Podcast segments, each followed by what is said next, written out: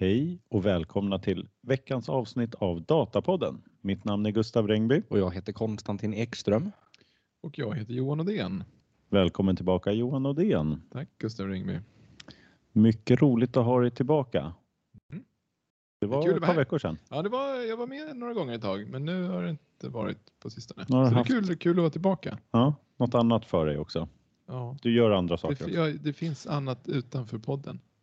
Nej. Även om det kan vara svårt. Det Att, där vet jag inte om jag kommer kommentera på alls. Det där vill jag. men det här är ändå centrum av universum. Ja, Men det Nej, finns men saker runt omkring. du är ju hedersgäst här idag, Ja. så jag vill inte säga emot dig. Vi har tre artiklar. Så vi kör på på en gång och jag ska ju börja. Varsågod. Jag har eh, en artikel här från eh, Databricks blogg från 12 oktober. Och eh, rubriken är LLM Inference Performance Engineering kolon Best Practices. Mm.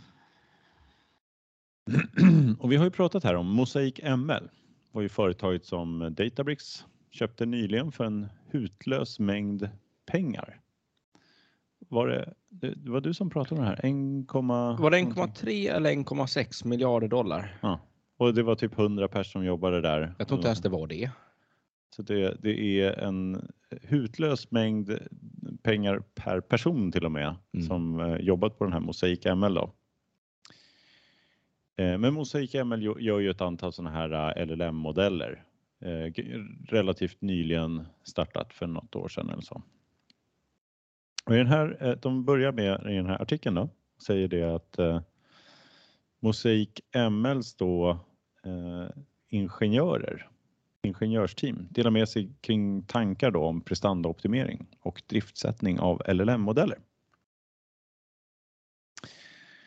Eh, Så att det blir väldigt intressant att lyssna på det här eftersom det är eh, kanske den dyraste blogginlägget eh, på den här sidan av 2000-talet. Ska man säga. Eh, och de säger det här, det finns två sätt att skapa text med generativ eh, AI. Decoder och prefill börjar de med att säga. Decoder kör man ord för ord medan prefill förutser flera ord parallellt. Eh, det de går vidare här och beskriver mer i detalj är nog mer åt decoder-hållet här. Men det här är kanske någonting som många har eh, stött på också när man har börjat titta lite grann på det här med LLM och sådär. Att eh, man, det handlar ju om tokens. Och vad är en token då? Det är alltså ett ord eller en bit av ett ord. Så någon typ av uppdelning av, eh, av språket i ett antal liksom, mindre komponenter eller hela ord. Då. Och det vanliga när man liksom konsumerar en sån här eh, chatbot det är ju någonstans att man skriver någon fråga och så får man ett eh, svar. Eh, och det är alltid liksom det är ett antal tokens som kommer ut. Hela svaret består av ett antal ord som skrivs. Och det slutar alltid med, det börjar med en start token, det är liksom första eh, ordet och en end token, man får liksom den sista, sista ordet.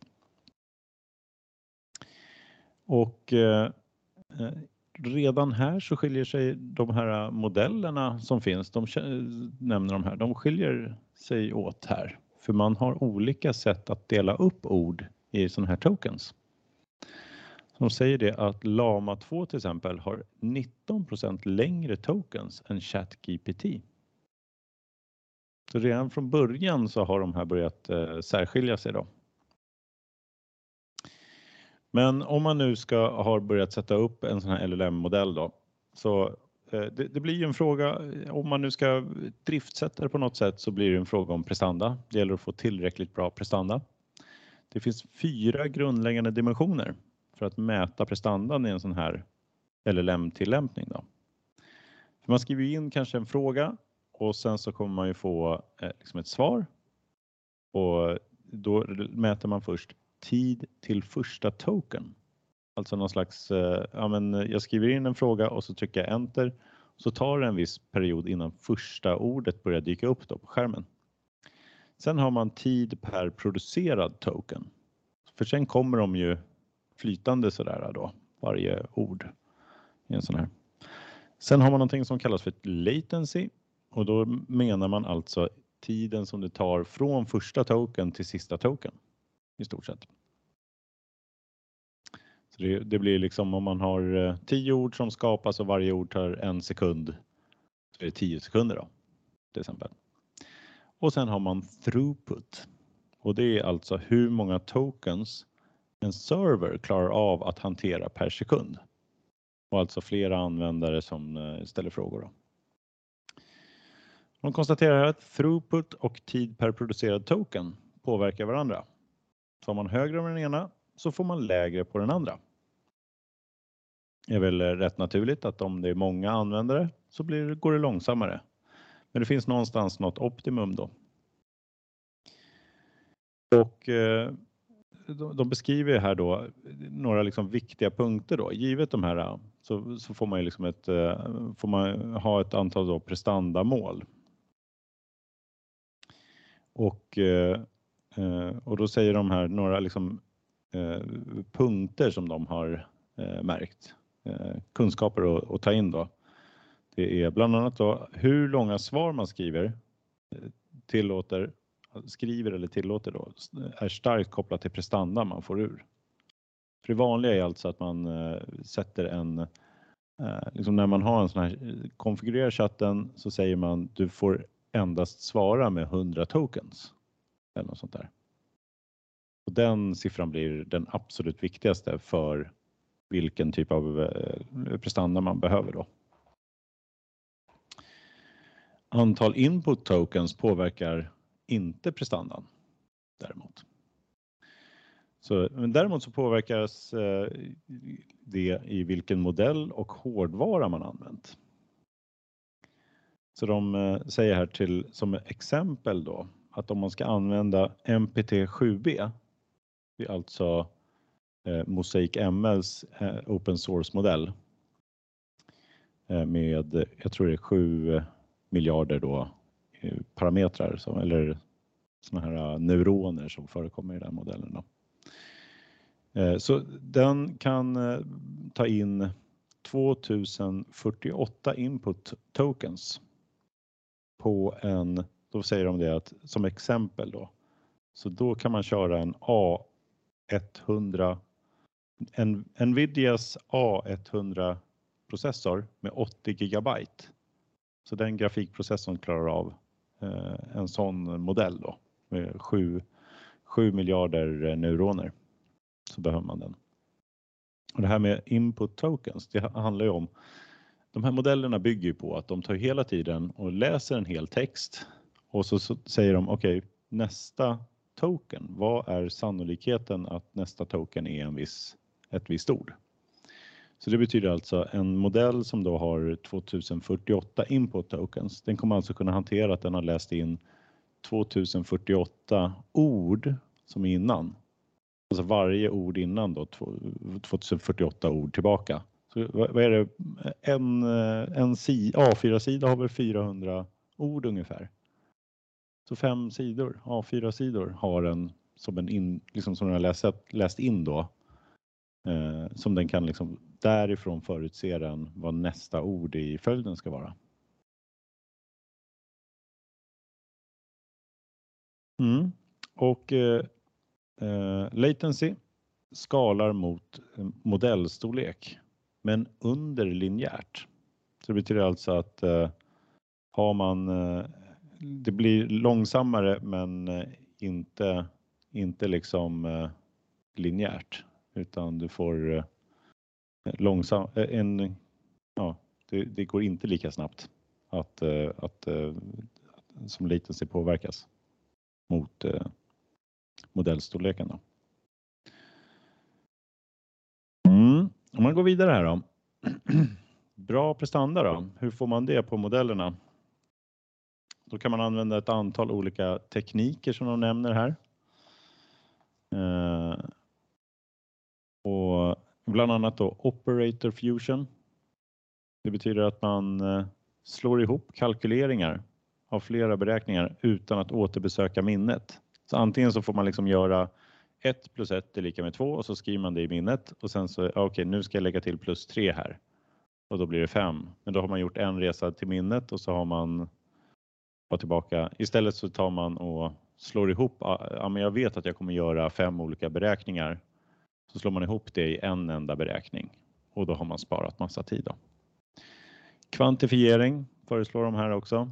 Det betyder att man eh, kan eh, sammans slå ihop eh, parametrar och, och försöka liksom minska ner storleken på modellen.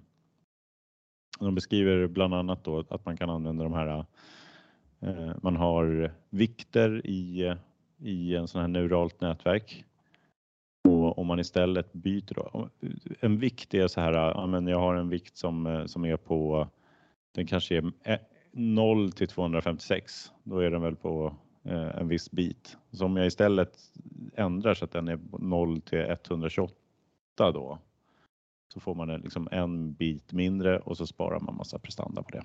När det blir eh, miljarder av sådana här neuroner och varje neuron kommer ha sådana här olika vikter och så där så kommer det göra skillnad vad man har för någon bit på dem då. Komprimering, parallellisering föreslår de också. Utöver det här så säger de också att eh, man kan liksom, och det här är väl sånt som Mosaic ML gör. Jag tror inte att man gör det här själv så mycket, men de säger det också att hela tiden när man läser en sån här text, du tar ju om du ska liksom förutse nästa ord, då har du läst in eh, ord 1, 2, 3, 4, 5, 6, 7, 8, 9 10 och så ska du förutse vad elfte blir. Så tar du och förutser vad elfte blir. Sen så eh, läser du om hela modellen med det du har förutsett också. Så då läser du om hela modellen med 1, 2, 3, 4, 5, 6, 7, 8, 9, 10, 11 och så ska du förutsäga vad tolfte ordet blir i den här, eller tokens då. Ord är ju lite lättare att beskriva det som. Då. Eh, och här finns det ju möjligheter då om man eh, är snitsig att eh, på något sätt, om man ändå ska ha gjort de här inläsningarna hela tiden på, på de här raderna så kanske man kan veta att ja, men jag vet ju att eh, idag läser jag in eh, det här ordet på tionde plats.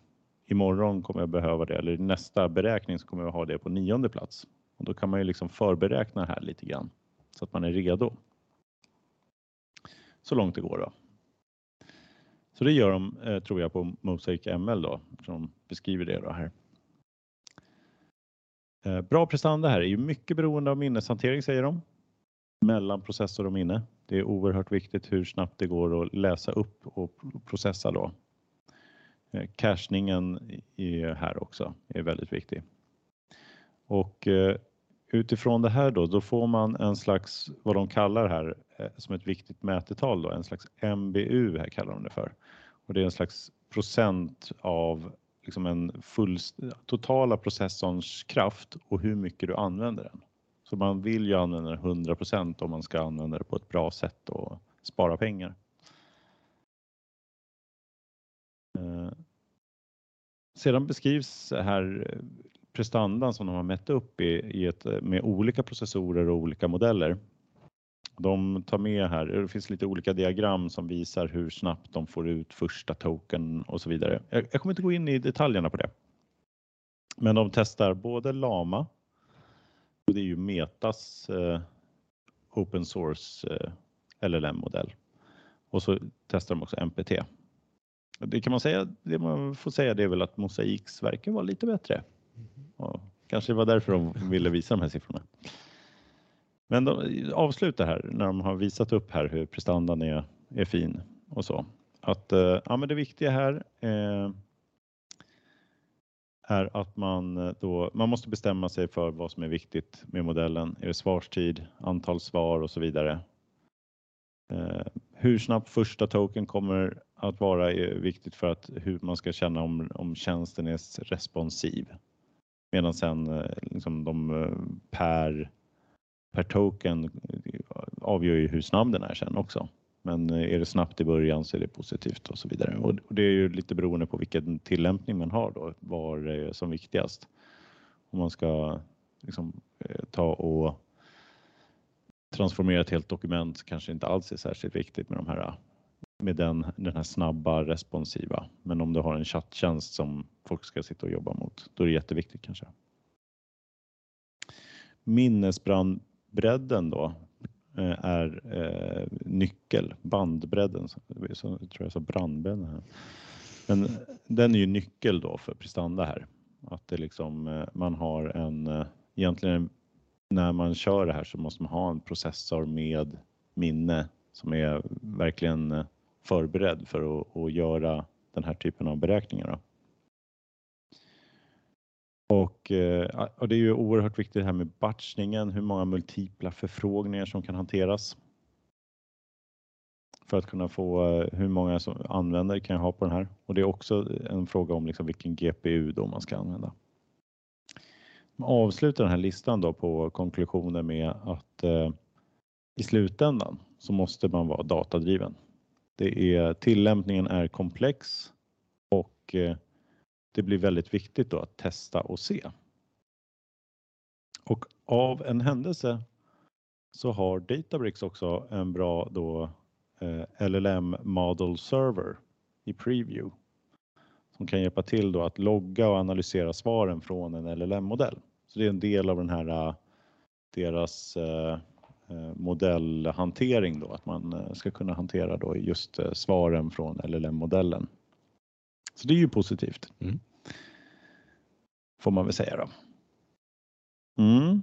Det är en ganska komplex eh, grej och jag, tror ju lite grann så här. De flesta av oss är ju på nivån att vi försöker hitta business casen och testar de här mm. modellerna med att mata dem med lite olika data. Eh, men det här är kanske nästa steg då när man väl har hittat sin business case. Då börjar man väl fundera på okej, okay, men hur mycket kostar det och mm. kan vi få prestandan så att det faktiskt eh, kan fungera för oss? Mm. Men tolkar jag rätt att de här grejerna de rabblade upp här, de låter ju ganska avancerade och liksom testa mig själv. Då har Databricks lite automatiskt skapat det här automatiskt så att man enkelt kan göra dem själv då de här eh, testningarna ja, och sådär. Precis. Eh. man skulle kunna förvänta sig att de är där. Ja, precis. Men jag tror att lite grann så måste du nog göra lite val själv också. Mm. Och vissa av de här sakerna kan du nog gå in och, och prova och förändra. Mm. Eh, jag tror den här kvantifieringen är någonting som du ska kunna påverka i modellen. Mm. Men sen så, sen så är, det, är det väl väldigt mycket så att du, du får nog mycket på, på plats också. Mm. Så att, men ja, du ska ju välja modell och du väljer vilken eh, eh, processor du använder. Så allt sånt där är ju ändå tillgängligt när du sätter upp din egen. För det här är ju Databricks, då sätter du upp din egna open source modell. Mm. Du tar ju en färdigtränad modell och så kör igång den och så börjar du mm. använda den på olika sätt. Då. Och då kan du välja vilken modell som helst och vilken processorkraft som helst. Då. Mm. Eh, men jag är osäker på exakt vilka saker de, man kan påverka själv här. Jag tror lite grann att de målar upp lite för många här för att de vill visa på att de har koll på det här också och kanske lite ur ett eh, perspektiv att man vill informera också för den som är intresserad av det här, vad som händer under huven. Mm. Eh, så, men jag är lite osäker på exakt. Jag skulle bara kunna flika in här, vi pratade om mosaik och pris och anställda. 1,3 miljarder dollar var det. 62 anställda. Mm. Så det är många pengar per anställd. Ja. och det är väl det man känner här att man blir ju lite liksom starstruck bara av att läsa den här bloggen. Mm. Det, är, det måste ju ha kostat enormt mycket pengar. Det är en av dem, eller det var, hur många var det? Typ fem pers av de här 62 som har skrivit den här. Okej. Okay. Mm. Eller? Ja, jag vet inte. Det stod det hur många det var? Det var de ett antal. Det, det ja. var en liten lista på folk. Eh, en, ja. två, sex stycken. Mm. Mm. Man kan anta att de kommer från mosaik då. Mm. Men eh, vad hade de köpt bolaget för? Det var 1,4. 1,3. 1,3 miljarder dollar. Mm. Man borde kunna räkna ut om de här har suttit eh, en vecka, nej, två dagar med det här då. Blir och så kanske de är anställda i fem år då? Eh, av, av det här. Ja, alltså jag tar för givet att de har liksom andra jobb också. Nej, det här, det här nu är det off topic. Ja, det, ja. Du spårar här. Mm. Mm. Ja, men det, är, det är ändå eh, lite spännande, men jag tror ju att eh, jag känner själv att, att man står mer i att man håller på och testar behoven, möjligheterna, use casen och också datakvaliteten, för det, den är ju Mm. Det är den man märker är väldigt viktig här. Mm. Eh, ja, det blir till. ju riktigt halleluja moment i slutet på artikeln. Och så här, man måste ha en bra dataplattform. Ja, men det är väl skönt. Ja, det är liksom... Även här så är det viktigt att jobba datadrivet. Exakt. Ja, men precis. Exakt. Det, det du skulle jobba datadrivet med här var ju hur du eh, mäter modellen. Ja, men de avslutar med att säga att du måste ha liksom data på plats. Bra Aha. data på plats. Jag tolkar det som att du behöver bra du mäta det du gör här. Ja, nu kör inget av det vi säger fel, men... Nej, båda är rätt. Men man måste ju mäta, men det finns också stöd i Databricks för, för det med ja. MLflow och sådär. Mm. Så att de har ju ett bra stöd där för det. Mm. Så det är väl kul. Men jag mm. tyckte det var en väldigt bra inblick i tekniken runt eh, alltså implementationen av en LLM. Ja. För annars som du säger, man har läst mycket och vi har pratat use case. Man har läst mycket om teorierna hur en sån här LLM fungerar. Mm. Men det här var första gången jag eh, satte mig in i hur, hur man liksom praktiskt skulle implementera den om man, om man vill bygga det själv. Liksom. Ja. ja. Så det var lite kul att se de här olika. Ja, man får lite koll på det. Mm. Sen så vet jag inte, just eftersom den är så himla riktad mot prestanda, så om jag skulle liksom vilja läsa någonting som börjar med, ja men det här är eh, modeller för eh, för, for dummies då mm. kanske det finns en bättre text. Men däremot för, te- Ja, men om man ska förstå hur så... modellen funkar, ja. Ja, ja absolut. Mm. Det, här, det här sa ju ingenting om det. Men däremot så går den ju in lite grann på, de tar upp det i alla fall lite grann här. Liksom vad, vad det är den gör ja. och, och, och sen också kring prestandan då. Så att, uh, den kanske är nivå två i alla fall. Men det var en eloge till dig Gustav. Jag tyckte när jag läste den här, den var ju väldigt mastig. Ja, det var och väldigt techig. Ja, men nu har vi eh, fått en sammanfattning. Du, du äh, presenterade essensen väldigt. Ja, men det, det, det, det tackar jag för. Så jag förstod det mycket bättre nu när jag hörde dig säga än när jag läste den. Ja, jag, jag dummar ner den kan man säga. till, till min nivå. Så då blir det, ja.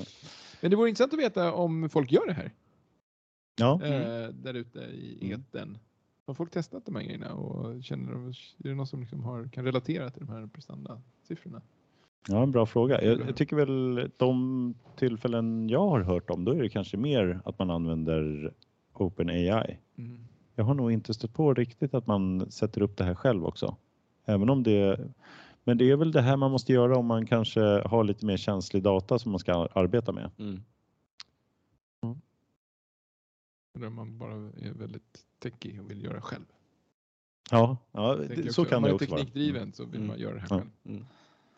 Det är ju lite coolt. Det är lite coolt. Mm. Men kanske inte så bra då liksom ur ett... Uh... Ett business eh, case perspektiv kanske inte så bra att lägga tid på. Nej, och, och, det är väl någonting som sägs här också i det här med att man måste optimera sin throughput och så där. Det är ju troligtvis att den här eh, virtuella liksom klustret som man sätter upp, V-corn av olika slag då, de är nog rätt dyra att köra. Ja, det, här, det, det säger de ingenting om. Det här lär kosta ja. skjortan att köra här. Så det gäller ju att verkligen hitta en nivå då så att man kör på rätt nivå. Mm. Så att mm. man inte har överkapacitet på den. Mm. För det är ju ändå fördelen när du köper en sån där eh, en eh, publik eh, tjänst bara. Mm. Det är ju att du bara betalar för dina tokens då. Mm. Medan här blir det ju för att de, du... Ja. De här som du refererar till, de här Nvidia 180 gigabytes eh, GPU-erna. Mm. Det ju, jag har ingen aning, men de känns dyra. Ja, det känns som det och det är därför det blir viktigt mm. att titta på det här med prestanda exakt. och exakt vad, hur mycket ska vi använda mm. och så vidare. Men det måste ju ändå sättas i relation till kvaliteten hela tiden så att det inte blir felaktigt. Mm. Eller liksom, Nej, men det du får bara dålig kvalitet. Det är inte fel, eller? Du ja, det, du lite bias och sådär. Ja, precis. Då kan man påverka kvaliteten. Ja, ah, okay. Då kan man påverka kvaliteten. Mm. Så menar, om du lägger jättemycket pengar och så lägger du, om du lägger bara lite till ja. och liksom mm. inte dumsnålar utan kanske, ja du, du tänker så inte överkapacitet men du dumsnålar inte. Då mm. får du liksom, då blir det bra, då blir det riktigt så att man kan använda det. Men om man dumsnålar så får man lagt jättemycket pengar och liksom, man, ja det blir inte riktigt bra. Mm. Nej, precis. Man får väl, eh, men eh, ja, man, man kommer nog vara tvungen att tänka till när man, om man ska köra en sån här så måste man verkligen se till så att man har rätt nivå. Och det, säg att man liksom ska använda den för någon typ av chattgrej. Kanske man till och med måste köra den, ha lite olika prestanda under dagen. Liksom. Om mm. vi har väldigt mycket chatt eh, mellan eh, 9 till 5 och sen så blir det väldigt lite sen på kvällen eller ska man stänga av då och så vidare. Mm. Om man ska spara pengarna lite grann här. Mm. Inte... Man ska inte lite grejen med, med en chattbot att den ska vara öppet liksom 24-7. Nej precis. Ja. Liksom, chatten är öppen mellan, Men... mellan 9 och 5. Ja precis, det blir lite så här tillbaka till callcenter istället för att ja. vi har bara råd att ha chatten igång. Precis. Sen måste den ha lunchrast. Ja. Och, ja. ja. kanske i alla fall att den blir lite långsammare då. Liksom att ja, det, det blir lite, lite trött, trött och slö liksom, vid, vid kvällstiden. Sådär. Om, du, om du frågar vid tre liksom, på natten så då ja, kommer den svara långsamt. Spinna mm. upp sitt kluster. Ja. Svara. Mm. Ska vi gå vidare? Ja. Det var en ganska snygg övergång till nästa artikel för att nu ska vi bli lite hälsosamma. Så kära lyssnare, välkomna till Hälsopodden. Vi hjälper dig att må bra och få balans i livet. Nej då, eh, inte riktigt så då. Ehm, men däremot så släpper Microsoft nya verktyg och funktioner som med hjälp av AI ska bidra till att läkare kan ge bättre sjukvård. Och detta genom att använda den enorma mängd information som samlas in av bland annat läkare på olika sjukhus.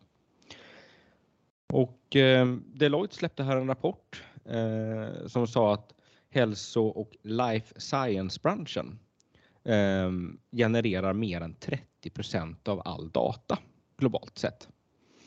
Eh, men det kan vara väldigt utmanande att dra nytta av all den här informationen. För eftersom den lagras i olika system och format framför allt. Eh, de skriver här att cirka 97% av all data som genereras av sjukhus är oanvänd. Så otroligt stor mängd. Eh, men som ljuset här i mörkret så står Microsoft som meddelar på Health-konferensen eh, som skrivs HLTH. Jag var tvungen att kolla upp det för jag trodde det var någon förkortning men, men det var bara Health fast man har plockat bort lite bokstäver. Eh, de menade här då på den här konferensen då att de har utvecklat nya verktyg inom hälso och sjukvård, specifika verktyg då, ehm, genom att använda Fabric där man kan samla in data från elektroniska patientjournaler, bilder, medicinska apparater och försäkringssystem. Eh, exakt vad det är för funktioner framgår inte riktigt av artikeln. Eh, mer än att man kan samla och analysera all den typ av data som finns exempelvis på ett sjukhus. Eh, data är kungen inom hälsovård nu. Och det gäller allt från att förstå vad som händer i operationssalen till hur många patienter som kommer in, hur många patienter som lämnar hemmet eller sjukhuset, säger Doug King. Han sa att data var king och han är inte king. Det jag är kul. Han är, han är CIO på Northwestern Medicine. Eh, han säger också att Microsoft Fabric och Azure och generativ AI kommer att förändra sättet vi tar hand om patienter. Och det är förmodligen en av de bästa chanserna vi har att lösa några av de största problemen inom, inom hälsovården. Låter bra. Eh, men utöver, alltså jag tolkar allt det här som att det det liksom Fabric, det är liksom inget speciellt så men eh, jag kunde ändå tolka någon hint av att det skulle komma, vara någon liten specialhantering kanske inom Fabric för sjukvård. Men eh, det finns ju andra leverantörer som har så här regelefterlevnad och, och, och lite sånt där. Eh, så det är möjligt att det kommer lite mer extra funktioner där. Men framförallt så släpper de också eh, helt nya verktyg vid sidan om. Och eh, Microsoft kommer att erbjuda en ny generativ AI-chattbot som heter Azure AI Healthbot som kan hämta data från en hälsoorganisations interna system men även från vissa godkända då externa källor som amerikanska livsmedels och Läkemedelsmyndigheten, långt ord FDA och National Institute of Health, eller någon form av hälsomyndigheten. Eh, så. Ehm, och den här chattbotten då, de ska kunna användas för att hjälpa personal inom eh, en sjukvårdsorganisation att ställa frågor såsom hur man behandlar en specifik sjukdom och vad de interna protokollen och processerna är.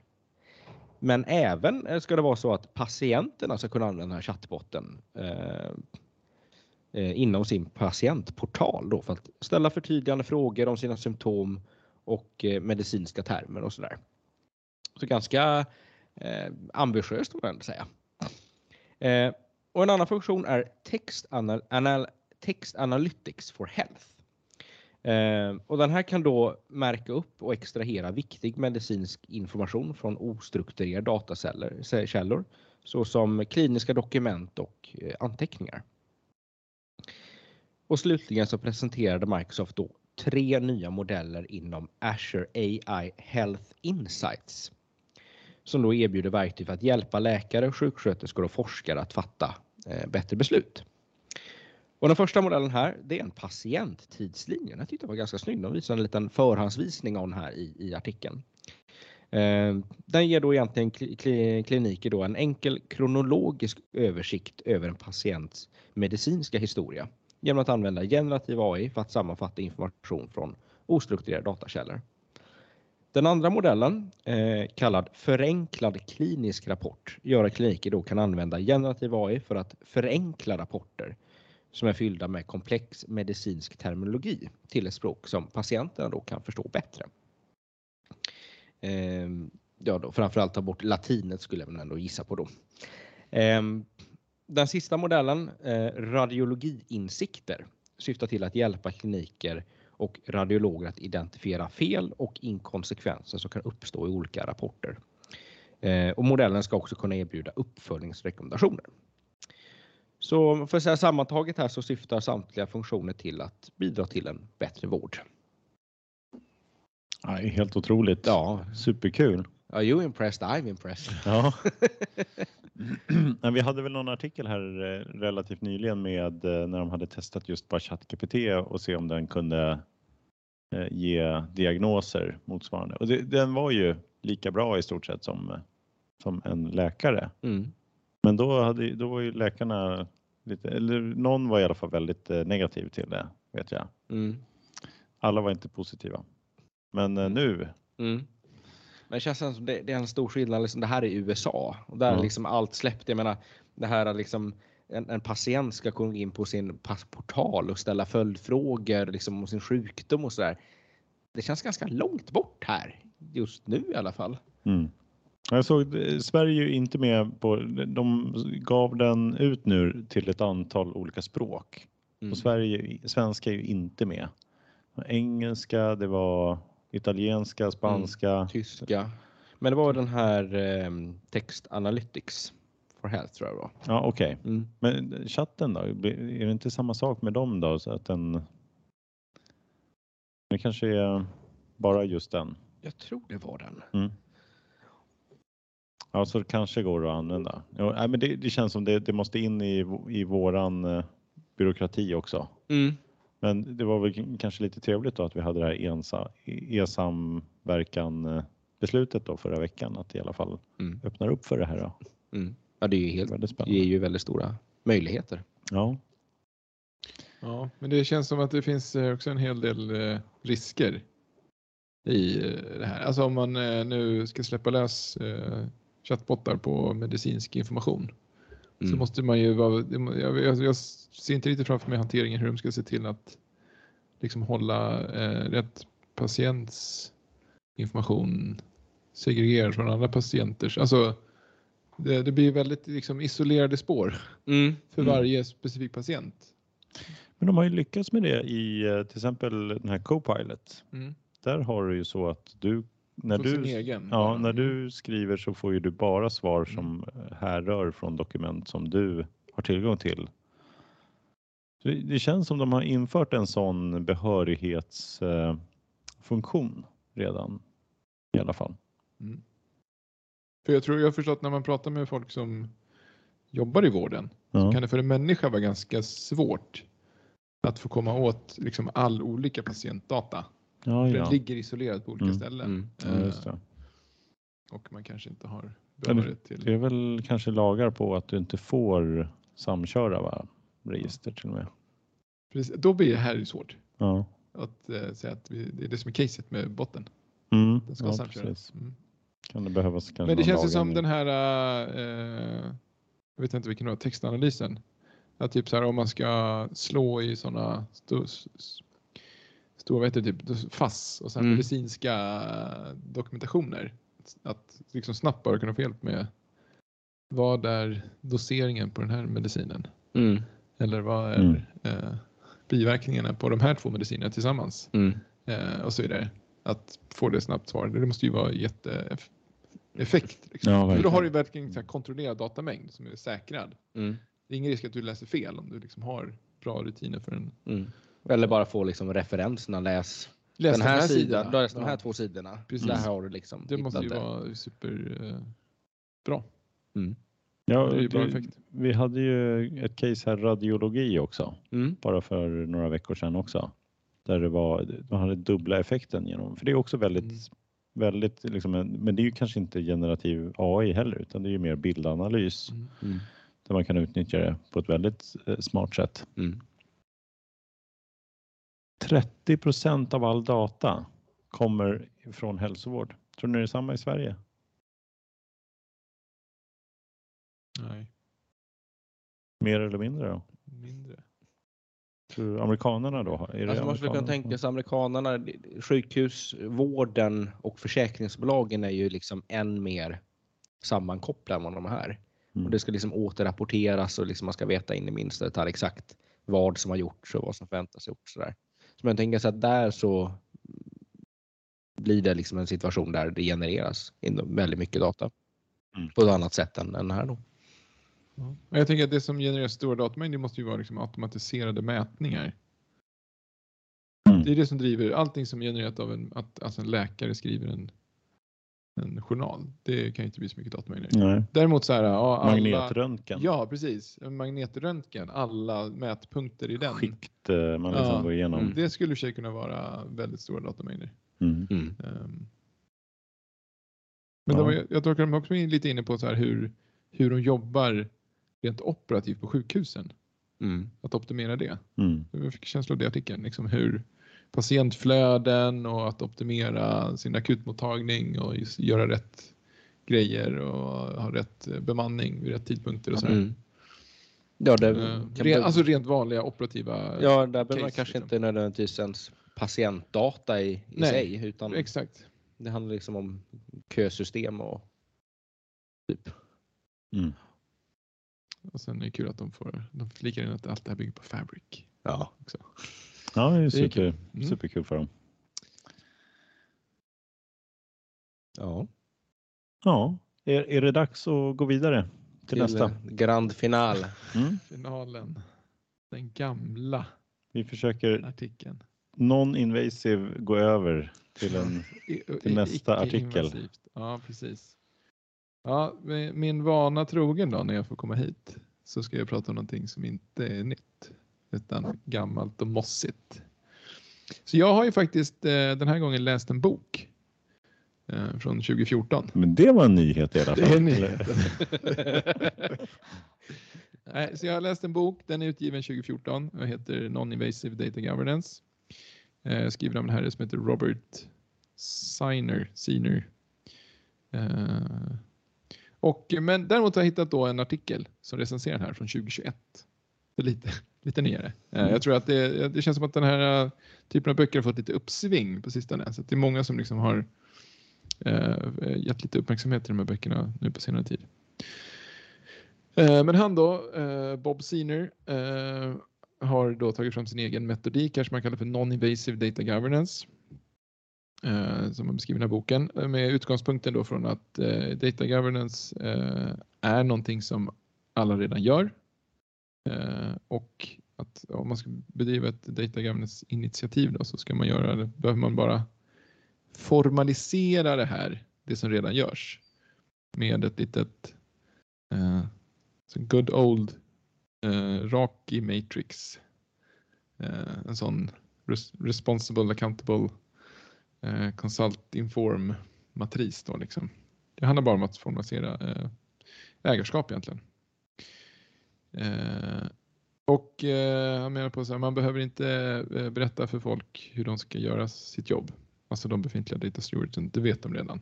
Eh, utan det handlar mer om att få dem att få ta ägarskap för det de gör. Ehm, och den här boken är, uh, säger hon, heter hon här, Doville som har skrivit den här recensionen som jag har lånat. Eh, hon menar på att eh, det här är, det är ganska basic och ganska enkelt. ganska eh, eh, förenklat den här boken och den är ganska, den är inte så tung. Så att jag tyckte det var också så en bra introduktion på ämnet för att den, man kommer snabbt in i den och den är inte massa si amerikanska sidor man ska tugga igenom utan vi gör det ganska enkelt. Eh, men och sen så några key take då som, som hon listar här. Eh, det spelar ingen roll om ett data governance initiativ är, kommer från IT eller från businessen. Eh, utan det viktiga är bara att man, de som driver det är, att det är rätt personer som driver det och att det är eh, motiverat.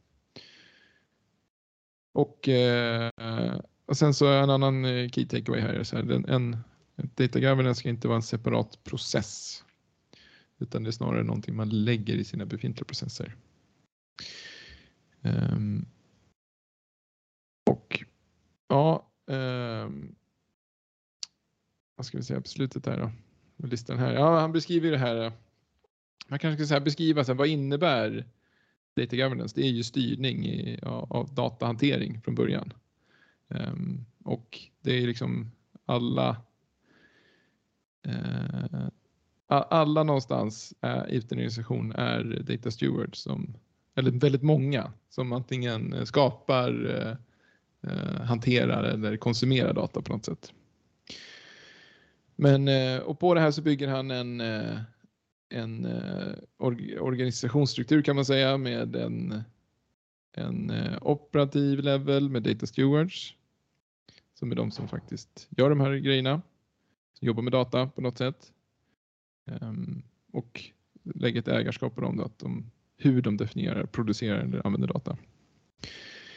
Och kan säga så här, en data steward är någon som har en, en relation med data på något sätt. Um, och sen så i nästa nivå då, så, så en taktisk nivå med de som är då domän data stewards, domänägare som, som är de som äger definitionen av data. Ehm, och eh, sätter datakvalitetsregler, affärsregler och, eh, och så vidare. Och det här är också så här, eh, inga av de här ska man anställa extra personer utan det här är redan något som finns. Det gäller bara att formalisera det. Och sen så har han sin topplevel då um, med eh, ett strategiskt nivå och ett Data Governance Council ehm, som är de som tar eh, liksom enterprise-wide eh, beslut kring det här och sätter strategi och um, kommunicerar de här delarna. Ehm, så att det var en uh, kort summering av boken, men den är liksom en bra inblick i data governance, vad det kan vara för någonting utan att överformalisera det kan man säga. Mm. Vem, vem borde läsa den här boken då? Alltså jag skulle säga alla, alla som eh, jobbar med data har ju nytta av den. Mm. Eh, men eh, framförallt om man är någon sorts beslutsfattare kring något eller har någon, någon eh, drivande roll. Om du är eh, IT-arkitekt eller CIO eller mm. för den delen om du är en, en så, eh, måltavla för att vara en sån här domain data steward så är det här en väldigt bra insikt att ha. Mm. Om man nu är eh, säljchef mm. så har man ju faktiskt ägarskap på säljdata förstå vad det innebär. Mm. Och den här boken är ju då, man behöver, den är liksom nördar inte ner sig för mycket. Mm. Så att man, den uh, ger en bra insikt på den nivån också. Sen tror jag att den, uh, no offense alla säljchefer. De kommer inte läsa det.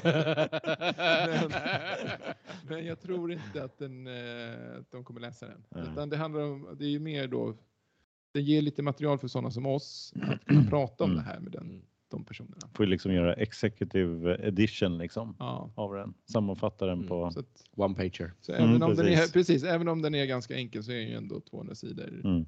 eh, datasnack. Det tog jag mig lätt igenom på en helg. Alltså. Ja, men kanske inte en säljchef. Jag vet inte. Mm. Då finns det något annan lektyr som liksom ligger före i listan. Där. Hur du blir en bättre säljare eller något sånt där som de kommer liksom prioritera Mm. om man nu har tiden. Kan jag misstänka i alla fall. Men jag gillar också hans approach här. Alltså hela grundtesen är ju att man ska bara, man ska inte lägga på en massa extra kring Mm. data governance. Alltså att få styrning. eh, De flesta bolag har redan en styrning. Eller alla har någon sorts styrning. Eh, Det gäller bara att formalisera den och göra, som hans undertitel på boken är ju The Path of Least Resistance in Mm. and Greatest Success. Mm. Ehm, Så jag, jag tycker jag gillar den eh, approachen. Ja, det, det är roligt. Vi hade ju ett exempel som vi gick igenom för, det var kanske Det var två veckor sedan? Ännu längre sedan. Alltså, Det var, jag tror det var ett indiskt bolag. Jag tror det var du som läste den Konstantin, men det var, det var ännu mycket längre sedan. Ja, det har jag glömt. halvår sedan.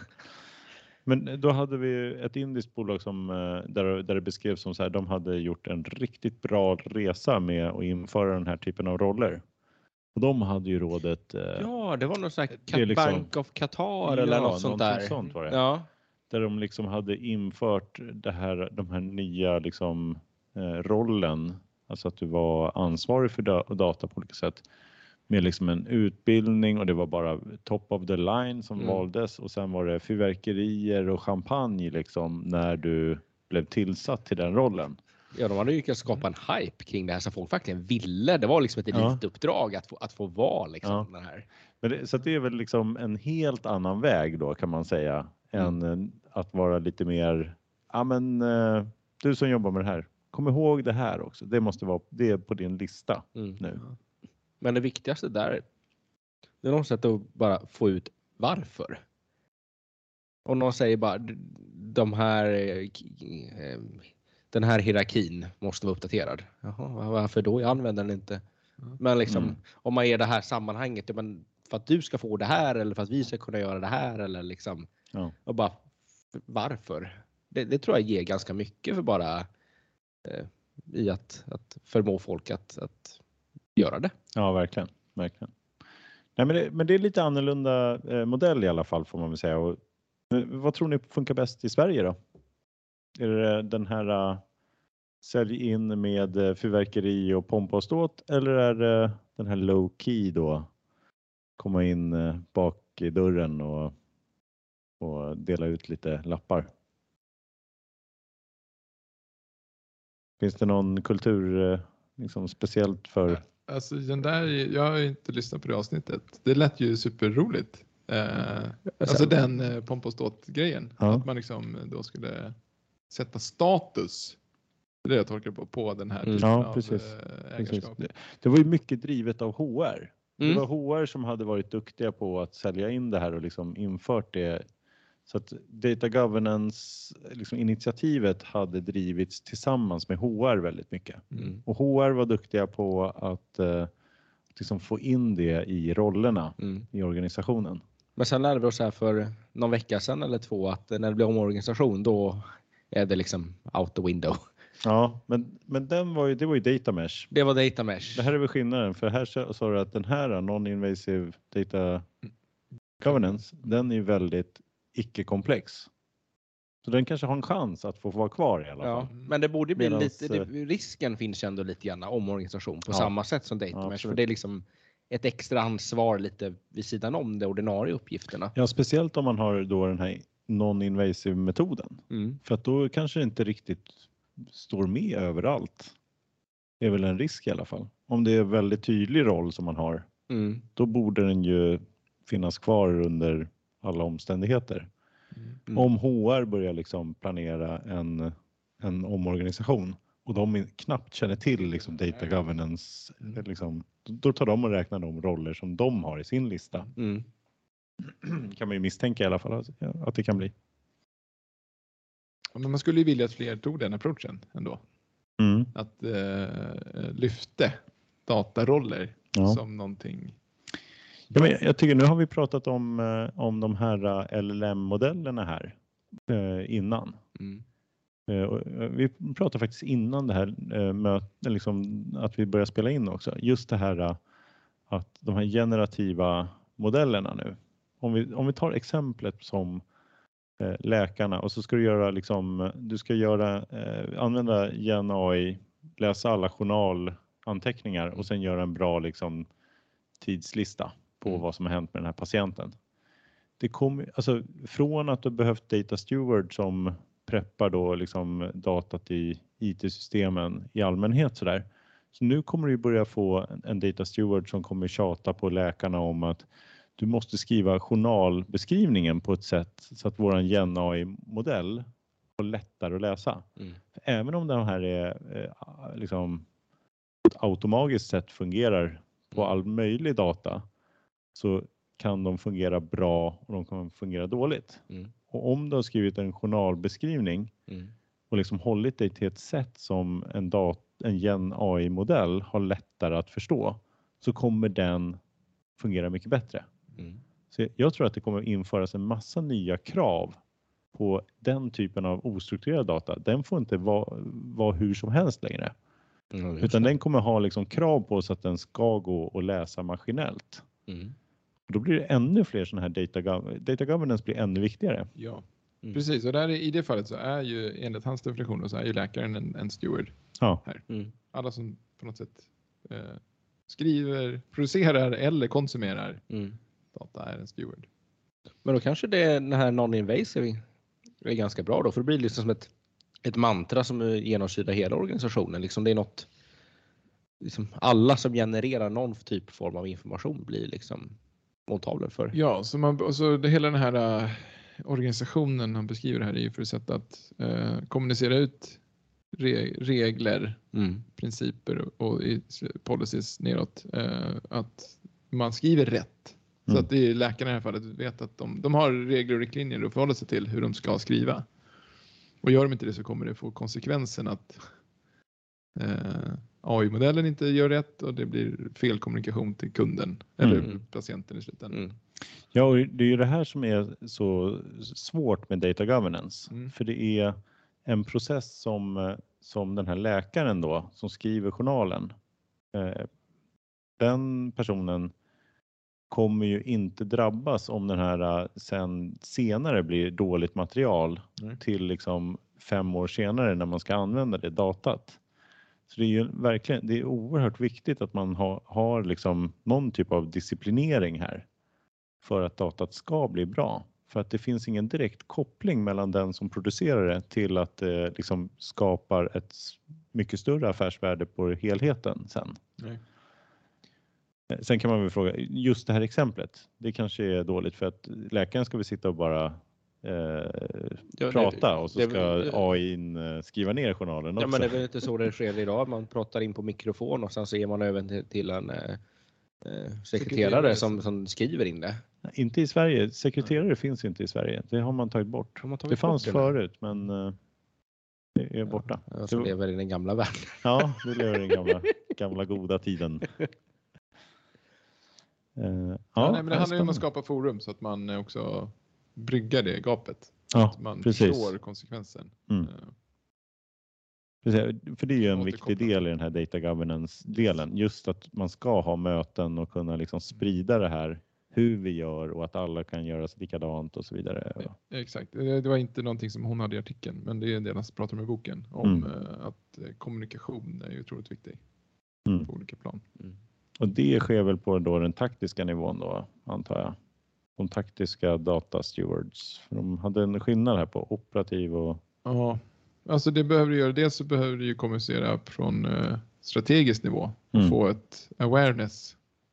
Man måste få upp en viss mognad där alla förstår vad det handlar om. Mm. Men sen att du även skapar forum där du, den då som är ansvarig för operativt användandet av datan, att det går ut till till patienten i det här fallet. Mm. Om det blir fel, att det finns ett forum man kan återkoppla det till mm. de som petar in den. Mm. Så även ett operativt forum. Så att eh, nu, nu pratar du om någonting som skrevs 2014, men det här är någonting som vi alla kommer hålla på med i 2023 och 2024 ännu mer då. Ja, men det är det som är lite roligt att den här boken kom ut 2014 i mitt i big data hypen kanske, mm. där alla bara sket det här.